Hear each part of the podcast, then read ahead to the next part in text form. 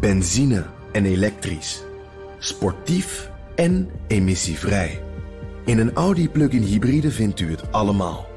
Ervaar de A6, Q5, Q7 en Q8 standaard met quattro vierwielaandrijving. Wat u ook zoekt, u vindt het in een Audi. Audi. Voorsprong door techniek.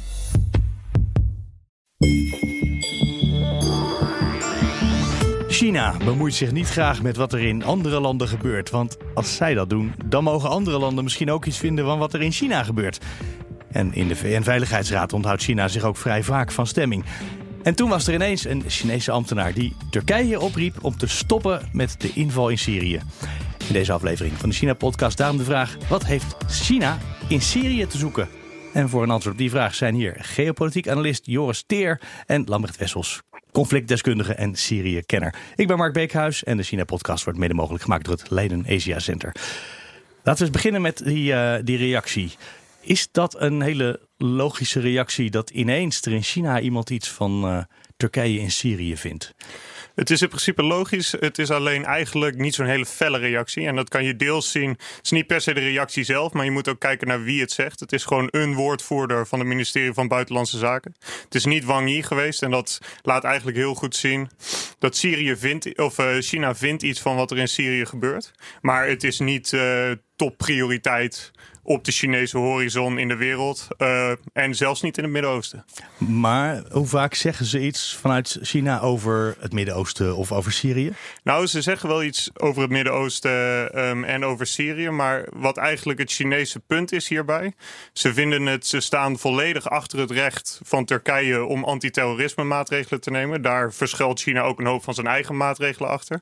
Maar wat China niet toestaat, is dat je die terrorist, antiterrorisme maatregelen neemt door een ander land binnen te vallen. China wil af van de norm dat landen het oké vinden om in andere landen uh, ja, daar inmenging te veroorzaken. Ja, en, en het idee inderdaad om die, uh, die grens daarover te gaan en uh, dat met geweld op te lossen. Hè. Dus nadat Turkije het liefst uh, gewoon in Turkije blijft, zetten zich altijd ook verbaal in. En soms ook met, met gezanten en zo voor een vreedzame oplossing.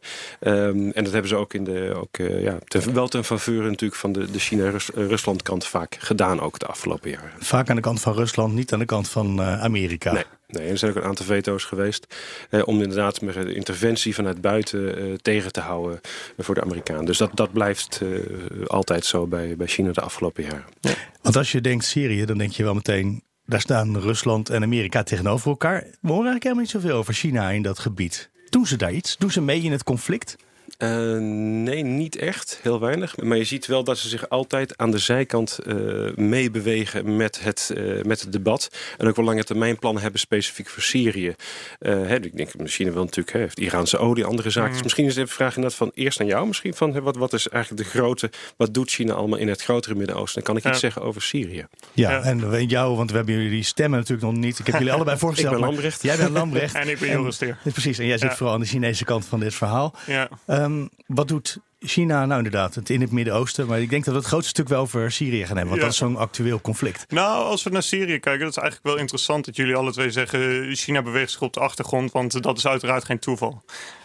Het was in Syrië in het begin not done om Assad te steunen. Dat uh, in het begin van die oorlog, je kan je Obama herinneren die een rode lijn in het zand trok als Assad chemische wapens uh, gebruikt. Nou, dan zal ja. ik reageren. Heeft hij niet gedaan, maar dat was de algemene sfeer. En dat was ook zo in de golflanden. En dat zijn nou per definitie de landen waar China een groot deel van zijn olie uit importeert. Dus China die dacht, nou ja, ik wil die Assad in principe wel gewoon houden. Maar ga ik mijn handen ervoor in het vuur steken? Dat gaan we in ieder geval niet doen. Ze vinden het niet zo belangrijk dat hij blijft zitten. Precies. En China's, um, om dan toch te, het kort te hebben over het, het grotere Midden-Oosten. China ja. doet eigenlijk niet aan vijanden of bondgenoten. China doet aan strategische partnerschappen. En China ziet een enorm groot economisch belang voor zichzelf zelf. Dat is deels het energiebelang waar ik het net over had. Maar dat is ook deels de nieuwe zijderoute natuurlijk, die door geheel het Midden-Oosten wordt uitgelegd. Dus China heeft, heeft een belang bij dat Assad er blijft zitten, omdat China niet wil dat het een norm wordt dat buitenlandse machten opposities gaan steunen binnen een bepaald land. Maar tegelijkertijd gaan ze zichzelf aan het lot van Assad verbinden en daarmee hun relatie met de golflanden op het spel zetten. Dat ik dacht het niet. niet. Nee. Ja. Maar het schoot wel even door mijn hoofd wat iemand over de Amerikaanse diplomatie zei. Die zei: Amerika heeft geen vrienden, Amerika heeft geen bondgenoten, Amerika heeft belangen. Ja. Dat klinkt eigenlijk identiek wat China nu doet. Nou ja, ik denk dat het ook wel uh, dat dat voor vrijwel alle landen klopt. Volgens mij is dit begonnen met uh, de Gaulle, die dit, uh, de oude Franse president, die dit zei: Frankrijk heeft geen permanente vrienden, maar alleen permanente belangen. En ik denk dat dat voor veel landen klopt. Maar Amerika heeft natuurlijk na de Koude Oorlog ook geprobeerd om iets nieuws te doen, namelijk een op regels gebaseerde wereldorde op te zetten. En dat is waar China aan komt knagen in het Midden-Oosten. En hoe voelen ze dat in het Midden-Oosten als China daar uh, komt knagen aan die, aan, die regels? Um, ik denk dat het klopt dat China heel erg met zijn belangen bezig is. Als je kijkt naar, uh, naar Syrië. Um, zijn ze niet in grote partijen, behalve dan in, in de VN. Ze zijn niet directe speler op de grond. Dat zijn wel Iran, uh, Rusland en Hezbollah natuurlijk uit, uit Libanon. Um, maar wat je meer ziet lange termijn is inderdaad dat China bezig is met zijn, met zijn economische belangen daar veilig te stellen om op de achtergrond mee te spelen. En dat er ook inderdaad al heel wat contacten zijn met, blijvend waren, ook worden doorgezet met het regime in, in Damascus. En lukt het dan om met zowel Damascus als uh, alle andere hoofdsteden uh, vrienden te blijven? Wat eigenlijk dus net uh, Joris zegt. Ja, volgens mij prima wel. Ze hebben zo'n Belt and Road Initiative. Hè, dus al die nieuwe zijderoutes. En een daarvan die loopt door, door Turkije. En volgens mij verloopt dat goed. Ook met zo'n kritiek. Want ook Turkije is heel erg... nou, Europa is de belangrijke partner. Maar zeer geïnteresseerd ook om te kijken om die banden naar het oosten. En hun eigen nou ja, mensen met, met Turk of Turkmeens of andere achtergronden bij uh, Turkije te betrekken. Dus zo'n zijderoute is voor hen ook uh, zeer interessant. En die route loopt ook inderdaad naar ja, Turkmenistan en dat soort zaken. Dan door Iran, Noord-Irak richting, richting Turkije. Dus nee, volgens mij houdt, houdt China duidelijk die contacten met, met, met de verschillende bondgenoten. En worden ze ook niet als, als tegenstander gezien door eigenlijk door enige van die partijen. Speelden de Oeigoeren hier misschien ook nog een rol doorheen? Dat zijn natuurlijk de moslims uit China. Ja. Ja. Doen die mee dat het zeg maar China zelf niet meevecht, maar uh, Oeigoeren nou, wel? Dat is een van de grote redenen ook waarom China zo tegen deze Turkse inval is. De directe vijanden van IS, dat waren natuurlijk de Koerden. Dat zijn de mensen die ook grotendeels IS vers verslagen hebben, in Syrië dan vooral. En het, de schattingen lopen uiteen de, tussen de honderden en de duizenden Oeigoeren. Dus de, de, uit de Xinjiang-provincie in de islamitische provincie in China. Die bij IS of bij andere jihadistische bewegingen gegaan zijn. Kortom, China heeft er totaal geen zin in dat die straks terugkomen getraind in Syrië. Oh, ik vind het niet ja. erg dat ze daar deelnamen als ze maar niet terugkomen. Nou, dat, dat, is wel, dat is wel een groter probleem. En dat is, nou ja, laten we eerlijk zijn, dat is voor Nederland trouwens ook gewoon een van de grootste ja. problemen. En de Britten, en de Fransen zijn natuurlijk afgelopen jaar bezig geweest om hun eigen vechters, mannelijke vechters, natuurlijk om te brengen. Hè, de afgelopen ja. jaren ter plekke. Dus China zal er ook in die zin geen bezwaar tegen hebben. Nee, precies. Maar dat is nog een impetus, nog een reden voor China om te zeggen... of Assad moet gewoon weer dat gebied besturen... of we hebben liever de Koerden. Want nou ja, die, dat zijn tenminste uh, directe vijanden van IS... Turkije heeft last gehad van IS. Turkije heeft last gehad van IS-aanslagen. Maar de Turkse strategische prioriteit is dat de Koerden die grensregio niet overnemen. Als die moeten kiezen tussen de Koerden en IS, dan zullen ze liever IS toestaan dan de Koerden. En daarom heeft China er ook weinig zin in dat dat maar, per definitie de Turken die regio beheersen. Ja, maar dus dan zeg je eigenlijk als, uh, het, als het China het goed vindt, dan komen de Oeigoeren uh, die mogen rustig daar aan de gang blijven gaan. En dus IS daarmee, want daar horen ze bij. Nou ja, het, li het li niet allemaal. Nee, Kijk, voor de, voor, de, voor de Turken zijn dat, is de Koerdische kwestie uh, de belangrijkste. En je ziet ook nu een interessante verschuiving. Hè, echt specifiek de afgelopen weken. Tekens vanuit de belangen van al die partijen. Dus uh, kijk, de, de, de, de, de Chinezen zijn ook anti-IS heel duidelijk. Um, daarin. En willen inderdaad niet dat die Oeigoeren daar, daar, daar terugkomen. Um, maar je krijgt een hele interessante situatie ter plekke nu.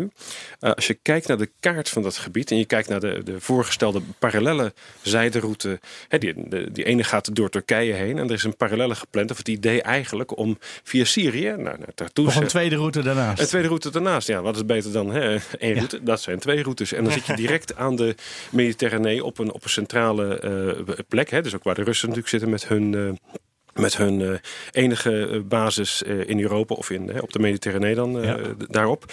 Dus dat is een belang.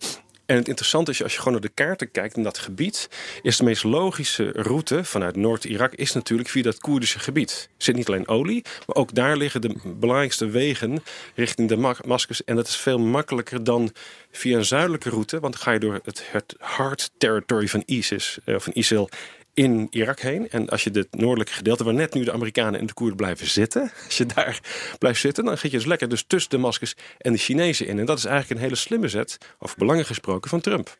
Is dan Trump bezig om China in de weg te zitten? Of is hij bezig om uh, nog iets anders te doen? Nou, twee dingen. Eén, hij is natuurlijk met zijn eigen herverkiezing al bezig sinds, uh, sinds 4 november ja, 2016. het enige wat echt telt, heb ik altijd het gevoel. En hij kan nu zeggen van, ik wilde me terugtrekken. Dus kijk eens wat ik allemaal gedaan heb voor jullie. dus dat is weer een, een verkiezingsbelofte in die zin ingelost dat hij het meeste heeft gedaan.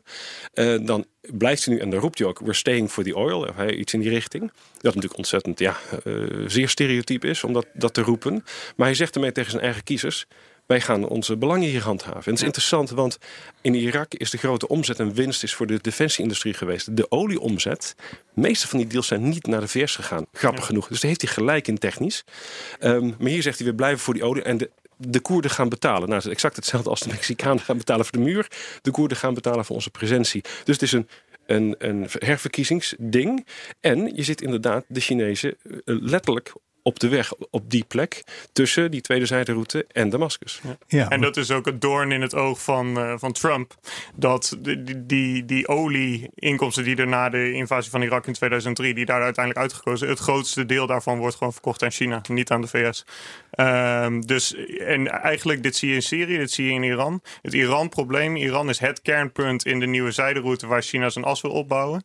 Ook dat kan je eigenlijk niet loszien van Xi Jinping's plan om een nieuwe zijderoute uit te leggen. China speelt daar op de achtergrond altijd een rol voor Trump tegelijkertijd. En hoe gaat China daar dan mee om? Want die, die, hebben daar geen troepen in de regio. Nee. Uh, ze doen wel ongetwijfeld allerlei diplomatieke trucs om uh, landen onder druk te zetten. Maar uh, hoe gaan ze er dan mee om dat ze dan door het leger van de Amerikanen heen moeten? Nou, eigenlijk, en dat is eigenlijk ook een beetje de, wat zou je zeggen, de, dirty little secret van dit hele verhaal. Eigenlijk is China dolblij met die hele veiligheidsstructuur die de VS heeft opgezegd in de golf. Namelijk, je hebt daar overal Amerikaanse basissen staan. Die garanderen de veiligheid van die golfstaten tegenover Iran. Um, en tegelijkertijd, door de schaliegasrevolutie is Amerika gewoon energie onafhankelijk geworden.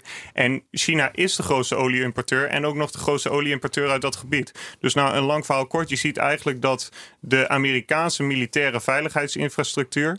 Doordat die er is, kunnen de Chinezen daar veilig hun olie en hun gas vandaan importeren. Dus ja, wat, wat er gezegd zou kunnen worden, is dat zij freeriders zijn op een door Amerika georganiseerd systeem. En dat is niet alleen voor de, voor de olie is dat het geval, maar ook voor de Blue Water Navy of zoiets heet dat. is ook de, de internationale handelsstromen. Dus de zijderoute als het gaat gewoon om de internationale uh, zeehandel. Uh, al die routes worden eigenlijk beveiligd door de Amerikaanse uh, overheid. Hè? Dus de Navy wordt dat gedaan. Dus dat is de, de tweede plekken waar ze dat, waar ze dat doen. de Chinezen hebben inderdaad geen, geen troepen daar ter plekke maar wel economische ambities in het, eh, in het gebied. En ook, daar gaan we misschien later over hebben, over de herbouw van Syrië wordt het interessant, lange termijn. Maar dit wordt voor de algemene China-strategie in het Midden-Oosten wordt dit de hamvraag. Trump heeft zich nu uit een gedeelte van Syrië teruggetrokken. Je ziet dat Trump ook minder oliebelangen nu heeft in de golf, want nou ja, eh, de Amerika is grotendeels energie onafhankelijk. De dag dat Trump er hierachter komt dat het vooral eigenlijk China's belang dient dat die veiligheidsstructuur er is en hij trekt zich terug, dan komt China dus voor een enorm dilemma te staan. Gaan wij daadwerkelijk wel troepen sturen, wat ze absoluut niet willen? Als China iets geleerd heeft van de war on terror van Trump, in een, of nou niet van Trump, maar van Bush Junior. ja, ja van de Amerikanen. Daar geef je duizenden miljarden aan uit. Uh, en wat krijg je ervoor terug? Nou, dat is nog maar heel erg, uh, heel erg de vraag. En dan, nou ja, naast die duizenden miljarden natuurlijk ook nog uh, duizenden levens. Ja, maar dan als er een willekeurige warlord zit die daar rustig houdt, is het toch ook prima? Dat is vanuit Chinees perspectief, beschrijf jij nu? Ja, maar dan zeg je wel precies de voorwaarden die het rustig houdt. Als die onderling ten strijde met elkaar trekken, dan heeft China een groot probleem. Want China is de grootste import, energieimporteur ter wereld. En nou ja, ze hebben het al verminderd. Eerst kwam 50% van de olieimport uit die golf uh, door China. Dat is, al richting, dat is nu richting de 40% aan het gaan. Rusland is een alternatief daarvoor. Maar die afhankelijkheid is er wel degelijk.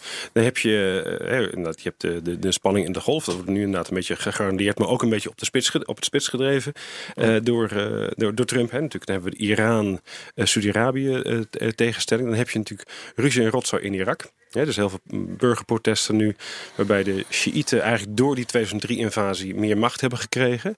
Nou, de, de, de Koerden, Soenies en de Shia maken een ruzie ook over de olie, van, van Kirkuk tot het zuiden. Dat is, een, dat is een issue. En dan heb je een instabiel Syrië. Dus de vraag is inderdaad van hoe, hoe stabiel blijft dat gebied?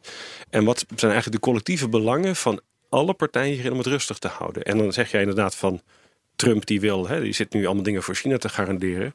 Maar het is voor ons als Europa en ook voor Trump ook misschien wel in het belang om het blijvend uh, rustig te houden ja. uh, in het gebied. En inderdaad, ook in, in Syrië we krijgen nu een unieke situatie waarin we moeten kiezen van, nou gaan we weer uh, die warlord even steunen of dat doen, of gaan we proberen dat lange termijn in ieder geval vreedzaam te houden. Ja. En is er dan een kans dat er bijvoorbeeld een VN-legermacht wordt ingezet om daar de rust te maken waar China aan deelneemt? Nee, dat geloof ik niet. Nee, nee. Dat zou wel heel logisch zijn als hun belangen economisch zo enorm toenemen. Ja, maar nogmaals, niet in Syrië specifiek. En ten tweede, dat is opnieuw die norm. China wil af van die Doet norm. China nooit mee aan vredesmissies? Nou ja, ze doen wel mee aan vredesmissies. Maar waar China het liefste wel van af wil, is het idee dat je een bepaalde heerser in een land heeft die misschien ondemocratisch is. Is China zelf ook. Dat daar mensen Ja, tegen in opstand komen. En dat dan de rest van de wereld beseft, nou ja, god, er zijn zoveel mensenrechten schendingen. Daar gaan wij met z'n allen iets aan doen. Dat is per definitie wat China niet wil. Nu zijn ze natuurlijk een economisch stuk machtiger geworden. Maar in de, in de jaren negentig was dit de grootste angst. China zag de NAVO eh, nou ja, de Balkan intrekken. China zag eh, een coalitie Saddam uit Kuwait verwijderen. Hij zegt, ja, eh, met het idee... Maar dat is allemaal, dat is natuurlijk zijn regionale coalities waar ook heel veel discussie over was in het Westen. Ja. maar als het de VN is die dat hè, met, alle, met, met alle veto's van alle Ja. grote landen en je het daar toch doorheen. ja, nou maar, Het is te gevaarlijk ook. Ja. eh, Voor wie? voor het gebied. Nou ja, voor, voor alle buitenlandse eh, troepen. Die worden niet als legitiem eh, gezien of ervaren. Mhm. En, eh, dus dat, en er zal ook heel veel gevochten worden. Dus het is niet een kwestie van hebben we gepacificeerd en we gaan daar een beetje Er patrouilleren. geen blauwe beretten, maar toch eens een even met een helm in het begin. Ja, en, Ja. En, en, Ja. en wat je gewoon krijgt is dat je, weet je, als je naar Syrië kijkt, krijg je verschillende eh, eh, eh, gebieden. En je ziet, nou, de Turken willen het noorden hebben. Je krijgt die Amerikanen Koerden in het oosten. Dat wordt een enorme uitdaging. En je hebt dan het regime.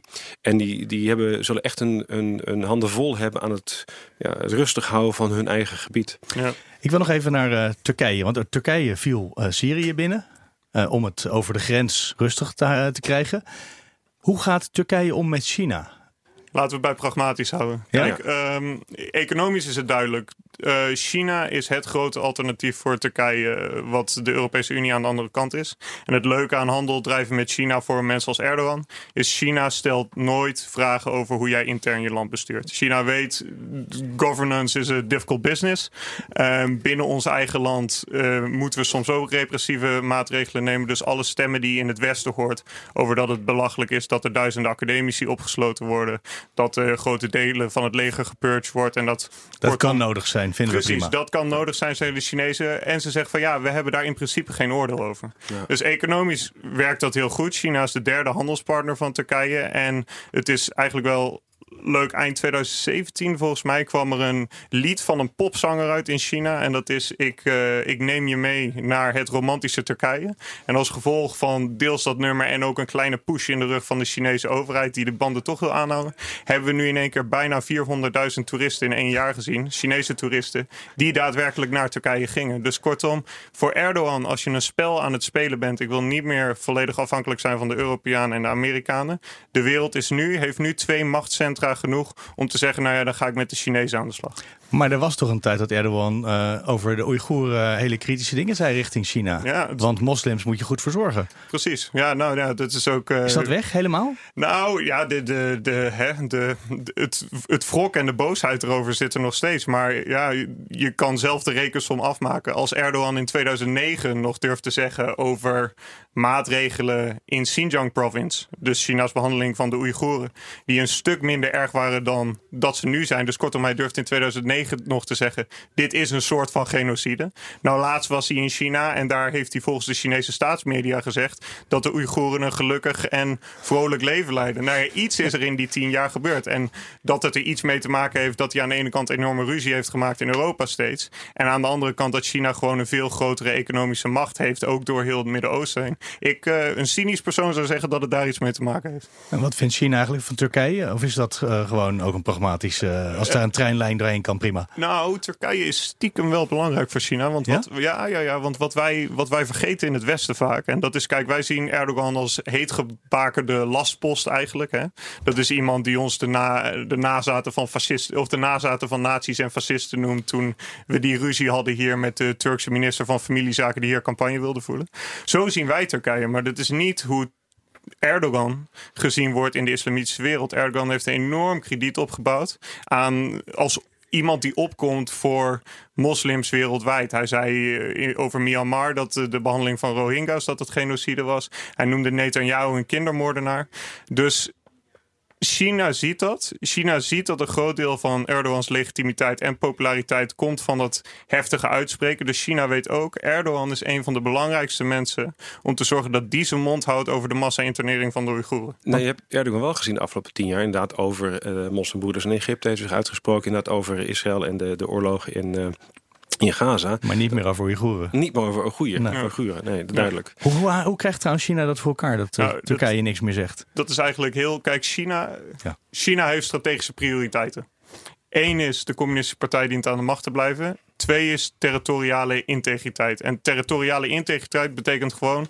Minderheden mogen niet van China afbreken en een ander lot zoeken. Nou, kortom, als je zo helder hebt wat voor jou het belangrijkste is, dan kan je iedereen die daadwerkelijk wel iets over jouw behandeling van die minderheden zegt, die bestraf je gewoon, die geef je economisch meteen een enorme oplawaai. Allerlei contracten die je hebt met bijvoorbeeld de Turkse regering, die zeg je de wacht aan. Het is niet iets wat alleen regeringen tegenkomt, maar ook de NBA bijvoorbeeld, de National Basketball Association, toen het over Hongkong ging. Dus China gebruikt zijn economische cloud om die twee topprioriteiten overal uh, te garanderen dat die daar goed voor nagekeken wordt. Dat met die NBA is een heel, heel grappig voorbeeld. Het was een geweldige cartoon en dan zag je dus drie uh, lange basketbalspelers, die, uh, zwarte basketbalspelers, die protesteerden tegen hè, dus, uh, de, uh, politiegeweld in de VS. Die, hè, were taking a knee.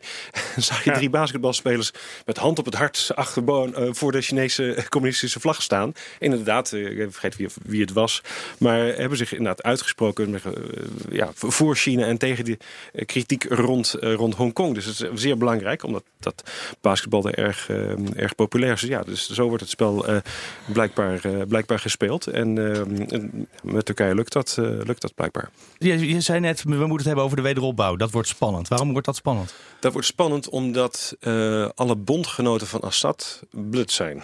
Iran is niet rijk. Hezbollah heeft sowieso geen geld. Dus andersom. Die zijn afhankelijk van Iran heel erg. En van, van Syrië. En de Russen hebben natuurlijk ook geen geld.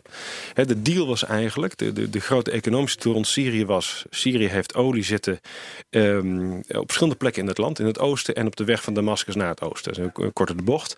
Uh, nou, het zijn een paar miljarden per jaar. Dat wordt uitgegeven aan, uh, aan Russisch legermateriaal. Dat was de deal. Wij, wij beschermen jullie, wij geven jullie allemaal militaire steun. Maar we willen dat jullie die omzet heel erg ja, omzetten naar gewoon aankopen richting Rusland. Dus ook dat, daarmee is Trump dus ook de, de Russen en de en Damascus dwars door die olie daar te gaan, daar te gaan zitten. Er is geen geld voor wederopbouw. Dus hij moet ergens gaan kijken. Nou, Europa heeft geen zin natuurlijk om met, uh, voorlopig nog om met Assad te, te, te, onderhandelen. Niemand heeft geld, behalve de Chinezen. En de Chinezen willen uh, natuurlijk het liefst ook een zijde parallele route door Syrië heen. Ja. Uh, dus daarmee is China, en ze hebben erover gesproken, ze willen nog niet. Dat is een ja en nee misschien. En het is nu nog, nog steeds onrustig. Maar de logische partner voor wederopbouw financieel zouden de Chinezen zijn in uitruil voor infrastructuur of dat soort zaken. Maar dan zit je in een gebied wat voor een flink stuk door een Russisch leger beveiligd wordt, voor een flink stuk door Amerikaans leger uh, beveiligd wordt. Uh, wat, in een, wat een veiligheidszone van Turkije heeft. Ja. En, en dat, want dat zou ik namelijk heel eng vinden als ik daar uh, mijn geld in ging investeren. Ja, dat, daar kan ik ook voorstellen. Dus als de Verenigde Staten zich zouden hebben teruggetrokken. Ja, dan was het leven simpeler geworden. Dan was het heel simpel geworden. Dan heb je namelijk de Russen en uh, Damascus tot en met de grens. Nou, prima, dan even flauw gezien. Maar dan is het vanuit China heel logisch om te zeggen. Nou, dus we, als we aankomen bij de, de Turkse en de Syrische grens. Doen we één zijderoute links uh, door het zuiden en één rechts door Turkije en hartstikke D. En, en nu praat in... nog een keer met de Russen om te vragen hoe we die gerust houden en rustig houden. Maar dat die, die, relaties zijn relatief goed, want we hebben ook een zijderoute. Dat is natuurlijk hebben richting, richting Moskou zijn ze mee bezig. Ja. Dus, dus in die zin, de, dus het probleem zit niet bij Damascus of bij Rusland. Het, het, het, probleem zit hem in het stukje waar de Amerikanen en de, en de Koerden zitten. Um, maar ja, het, voor ons is het ook een, een uitdaging om nieuw, opnieuw te denken van hoe we moeten met Syrië omgaan. Als de, wat we nu doen is zeggen, oké, er is een lokale revolutie. Ehm, eh, dan kun je allemaal, wie zijn de schuldigen en wie heeft eraan bijgedragen. Prima, dan zet je een derde of in ieder geval zes miljoen mensen of zo, zet je het land uit. Dus elke dictator mag zijn eigen oppositie het land uitzetten. Die gaan naar Europa, die gaan naar Turkije, die gaan naar Libanon. 3,7 in miljoen in Turkije, anderhalf minimaal in Libanon en dan ook uh, anderhalf of zo in Europa. Dat kan niet, want dan hebben straks is het bonje in, in, in Irak of in eh, Iran of weer in Libië of in Algerije. Dan blijf je bezig. Dus het is helemaal niet gek om te denken van ja, we moeten toch tot een soort wederopbouw komen. En nu is de uitdaging eigenlijk voor de drie verschillende gebieden. Kortweg is inderdaad het, het Damascusgebied, het, het regimegebied. Die moet gaan aankloppen bij de Chinezen. Nou, die willen er iets voor terug. De Turken willen heel graag die vluchtelingen terugzetten in een noordelijk gebied. Dat is eigenlijk niet zo'n gek idee. Dat is een 30 kilometer zone, kun je heel veel mensen in kwijt. Ze zijn heel goed in infrastructuur bouwen. En het is niet helemaal redelijk om te zeggen dat je op een gegeven moment 10% van je bevolking Syrisch is, want ja, er was een oorlog. Zo blijf je bezig. Um, we zouden ze er op zich bij kunnen helpen. Zijn ze daar veilig? Nou ja, de Turken hebben 400.000 troepen. Dat is redelijk, redelijk, redelijk veilig. Die zijn sterker. Als Turkije wil, is het daar veilig. Is het daar veilig, precies. En heb je nog dat Koerdische uh, Amerikaanse gebied. En zou ons Syren, als wij dat helpen wederopbouwen. Dus je krijgt een hele gekke situatie van misschien een wederopbouwcompetitie tussen Turkije, Europa, de Verenigde Staten en dan de Chinezen eventueel in het, uh, in het uh, regimegebied. Het klinkt als uh, Duitsland na de Tweede Wereldoorlog, wat ja. in verschillende sectoren ja. werd opgebouwd. Nou, het viel niet tijdens... per se goed, goed uit? Nee, nee, op lange termijn niet. Maar het was natuurlijk een enorme verbetering ten opzichte van wat er daarvoor was. Ja. Dus dat, het, is, het gaat een beetje om de, de, de, de, de wat is de minst slechte oplossing? Dat is iedere keer nu de vraag. Ja, het is ook heel erg balanceren natuurlijk. Ja, het is enorm balanceren voor de Chinezen ook zeker. Om, om al die landen ook tegelijkertijd uh, bevriend te houden. Want nog niet iedereen is over de wrok tegen Assad heen. Nee, ja. maar dat we ook, want al die landen die staan ook vaak tegenover elkaar. Nog los van China. Maar de twee buren die gaan ook graag met elkaar, uh, als ze de kans krijgen, de strijd aan. Ja. Hoe gaat China daar, hoe houdt hij dan uh, zeg maar de pro en de contra's tegelijkertijd te vriend? Nou, wat China heel slim doet, is dat het is een soort policy van iedereen evenveel aan geven. En um, dat wel afmeet aan hoe geïsoleerd is een land. Dus als we even terug richting de golf gaan. Iran is de grote as in, uh, in de nieuwe zijderoute. Dus het belangrijkste land wat erin zit. Maar tegelijkertijd koopt China veel meer olie in van Saudi-Arabië. Nou, dan zou je denken, hè, wat gek.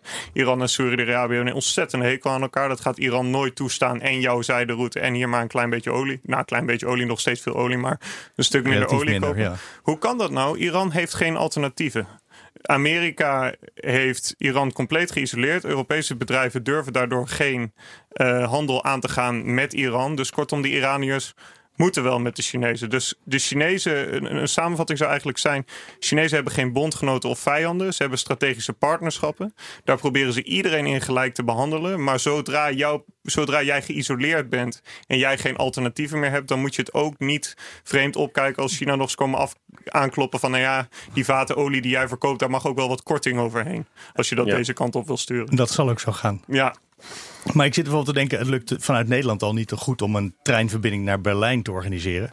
ja. Wij zijn vrienden met de buren. Ja. Eh, en dan moet je dus die zijderoute, dat zijn treinlijnen, dat zijn havenverbindingen, dat Ja. is eh, dat soort eh, infrastructuur. En dan moeten die landen naast wel, elkaar. Onder Ottomaanse eh, Empire met de Fransen en de Engelsen toen een tijdje was er nog verbindingen volgens mij van. Oh, een paar jaar geleden hadden we nog een nachttrein. Maar Ja, nou, dat gaat weer volgend jaar terugkomen. eh, Ja. dus richting in Europa. En dan ben ik blij. Maar dat is inderdaad even terzijde. Ehm, kijk, het, het kan wel. En het zal op lange termijn ook wel, eh, wel moeten. Omdat ik denk dat de belangen te groot zijn. Hè. We, we kunnen doorgaan in het Midden-Oosten van eh, st- strijd tussen de verschillende. Hè, de Sjiitische Soeni-tegenstelling in verschillende landen. En dan blijven we bezig. En, Ja, maar, ja, eh, maar die- dat klinkt nu heel praktisch. Van nou, we gaan we gewoon voortaan gaan we vrienden zijn met elkaar. Zo Nee. kennen wij het Midden-Oosten niet tot nu toe. Nee, maar nou, het, het, hè, dus heel veel van die, van die groepen zijn ook, hebben 2000 jaar, eh, zijn ze er toch wel gebleven. En, eh, dat is natuurlijk een, een ups en downs. Het, het is geen, eh, het is absoluut, geen noodzaak. Hè? Dus we hebben echt een lot in het kruidvat gegooid in 2003. Door Ja. eh, zo'n land als Irak eigenlijk langs etnische lijnen te organiseren. En eh, ja, allemaal verschillende groepen de mogelijkheid te geven om zich te bewapenen en tegen elkaar te vechten. En die ISIS is ook mede voortgekomen vanuit die invasie in 2003. Dus we moeten ook echt wel een beetje bescheiden zijn als Europa en de VS zeker in wat we daar gedaan hebben. Ehm, kijk, als, er zijn heel veel dictators in dat gebied. En soms moeten we ook een beetje langer termijn denken. Want het, uh, als we zeggen van nou, het zou toch fijn zijn met een beetje revolutie daar en een, uh, iets, een, een, duwtje daar, zoals in Libië. Hè, dan, dan, dan wordt het een democratie of dan gaat het even veranderen. Nou, denk aan, aan, aan Rusland of de Sovjet-Unie. Nou, we hebben nu Poetin. Ja, dat is toch stukken, beter dan Brezhnev die we vroeger hadden. Zeggen van ja, dat is geen geweldige stap naar voren. Ja, is wel een geweldige stap vooruit. En zeker in vergelijking tot Stalin of wat daarvoor was. Dus de, de, grap is een beetje, ik denk dat we heel lange termijn moeten denken. Uh, een, rommelig um, soort van vredesproces. Nu er een gebied is wat niet van het regime is. Heb je een oppositie die zou kunnen onderhandelen met het regime. Dat is rommelig, dat gaat 20 of 30 jaar duren. Zo'n rommelige onderhandeling met weinig doden is onduidelijk, maar is, uh, is, is beter dan een all-out civil war de hele tijd. En ook China heeft eh, duidelijk zich de hele tijd, afgelopen vijf, zes jaar, heel duidelijk, ook met een, met een vredesmissies of een, een gezanten, voor uitgedrukt dat ze willen dat er een dialoog is tussen de Syrische oppositie uh, en het regime. En ik denk dat we daar ook op moeten inzetten. En dat betekent dat we ook inderdaad met Assad moeten praten, omdat we gewoon helaas geen alternatief hebben. Het past ook heel erg bij de Chinese logica. Zij kennen hun eigen geschiedenis natuurlijk ook als verdeeldheid en periodes waar eerst warlords binnen China tegen elkaar vochten en daarna de nationalisten en de communisten. Um, voor uiteindelijk het uitroepen van de Chinese Republiek. Maar de Chinezen, hun mindset, democratie is een soort van iets decadents, wat uh, voor andere landen wellicht ooit nog zou kunnen. Maar zij vinden dat het ook heel cultureel bepaald is. En de Chinezen die vinden eigenlijk gewoon ons land is verenigd in 1949 toen op zijn minst stopte toen het moorden van buitenaf. Dan krijg je natuurlijk Mao Zedong eindeloze ellende voordat het echt goed gaat. Maar de Chinezen, hun nogal veel, ja. Ja, precies, nogal veel. Nou ja, een van de, nou, de grootste um, boef in de wereldgeschiedenis ja. misschien wel. Of een mm -hmm. van de grootste in ieder geval. Um, en wat je ziet is dus dat de Chinese logica is... als dat vechten maar stopt en als er één iemand weer de macht heeft... dan kunnen wij twee dingen doen. Die nieuwe zijderoute uitleggen... en wij hoeven niet meer bang te zijn dat onze Oeigoeren die kant op trekken... en geradicaliseerd en getraind terugkomen. Ik zit nog te denken, jij zei uh, Iran staat heel zwak tegenover China. Dus als ze olie met korting willen, dat moet lukken. Ja. Is er eigenlijk ook een land in die regio waar China niet omheen kan? Waar ze gewoon echt afhankelijk van zijn? De andere kant op ook weer Iran. Uh, Toch want, weer Iran. Ja, want het is, nou, kijk, alles, alles komt, valt samen met Iran. Um, en dat is eigenlijk ook het genie van de Chinese strategie. Want wat China doet, 50% van die olie komt misschien uit de golf. Maar China zou China niet zien als ze er niet voor zouden zorgen dat per land dat maximaal 15% is. Dus kortom, je verdeelt je inkoop heel geleidelijk. Hè? En op het moment dat het bonje is in het Midden-Oosten, volg je het vanuit Rusland een beetje of vanuit Angola een beetje. Dus wat je doet is je werkt heel risicospreidend. Daarom is China niet heel erg afhankelijk van één gebied. Behalve dus Iran. Want nou ja, kijk maar naar de nieuwe zijderoute. Uh, je moet of nou, onder Iran ligt gewoon de golf en daarna de Indische Oceaan. En boven Iran ligt de Kaspische Zee. De enige andere landroute die je kan nemen is door Rusland. En nou, ondanks dat dat er heel goed uitziet nu, momenteel de Russisch-Chinese relatie zit daar door de geschiedenis heen tal van spanningen in. Echt schermetselingen aan de grens ook op een gegeven moment. Um, en dus nou ja, dat is het enige alternatief wat je eigenlijk hebt. Dus je moet met die nieuwe zijderoute door Iran heen. Alternatief is de zee. Nu is het probleem op de zee dat de Amerikaanse marine nog steeds veel uh, moderner en sterker bewapend is dan de Chinese marine. De Chinezen hebben bijvoorbeeld één vliegdekschip, de Amerikanen hebben er elf. Ja, en die elf maar zijn... voor handelsroutes maakt dat niet uit, toch? Nou, Dan, uh... uiteindelijk waar je je op voorbereidt is natuurlijk het doemscenario. Het doemscenario, stel er breekt ooit een oorlog uit, dan ben je overal aan het kijken waar heb ik het voordeel, waar ik heb het nadeel. En over land gaan door al deze landen uh, de nieuwe zijderoute. Ja. Um, dan kom je in ieder geval die Amerikaanse overmacht op zee niet tegen. En wat eigenlijk ook wel heel interessant is, die nieuwe zijderoute is ook een beetje als antwoord gekomen op een Amerikaanse strategie. Want Obama die zei, nou het moet maar eens afgelopen zijn, onze focus is niet het Midden-Oosten. We doen een pivot to Asia. Dat kondigde Hillary Clinton toen aan. China, er staat een, nu momenteel een systeemrivaal op, daar gaan we ons op focussen. Op het moment dat Amerika al die bondgenootschappen daar met Japan, met de Filipijnen aan begon te halen, dacht China ook, nou ja, dan kunnen wij ook de andere kant uit gaan. Ik denk dat we aan het einde komen van deze podcast. En dan ga ik al terug naar de vraag waar ik mee begon. Dat was in dit geval, wat heeft China in Syrië te zoeken? En dan probeer ik jullie altijd een antwoord in één zin te ontlokken. Zal ik eens bij jou beginnen, Lambrecht? Een tweede route door het Midden-Oosten. Een tweede route door het Midden-Oosten. Joris. Niet zo heel veel, maar als ze er dan toch moeten zijn, dan is het de norm handhaven dat hij die de baas is in een land, blijft de baas, ongeacht oppositie die door het buitenland gesteund wordt. Niet zo heel veel, maar ze zitten er wel. Ja. ja. Dank allebei. We komen aan het einde van de China-podcast. Dank aan mijn gasten Joris Teer en Lambert Wessels. De podcast wordt mede mogelijk gemaakt door het Leiden Asia Center. Ook hartelijk dank aan hen. En deze en andere afleveringen zijn natuurlijk terug te luisteren via bnr.nl slash China-podcast. Je vindt ons in de BNR-app in iTunes en Spotify. Wil je reageren? Dat kan altijd via podcasts.bnr.nl. Over twee weken zijn we er weer. Tot dan.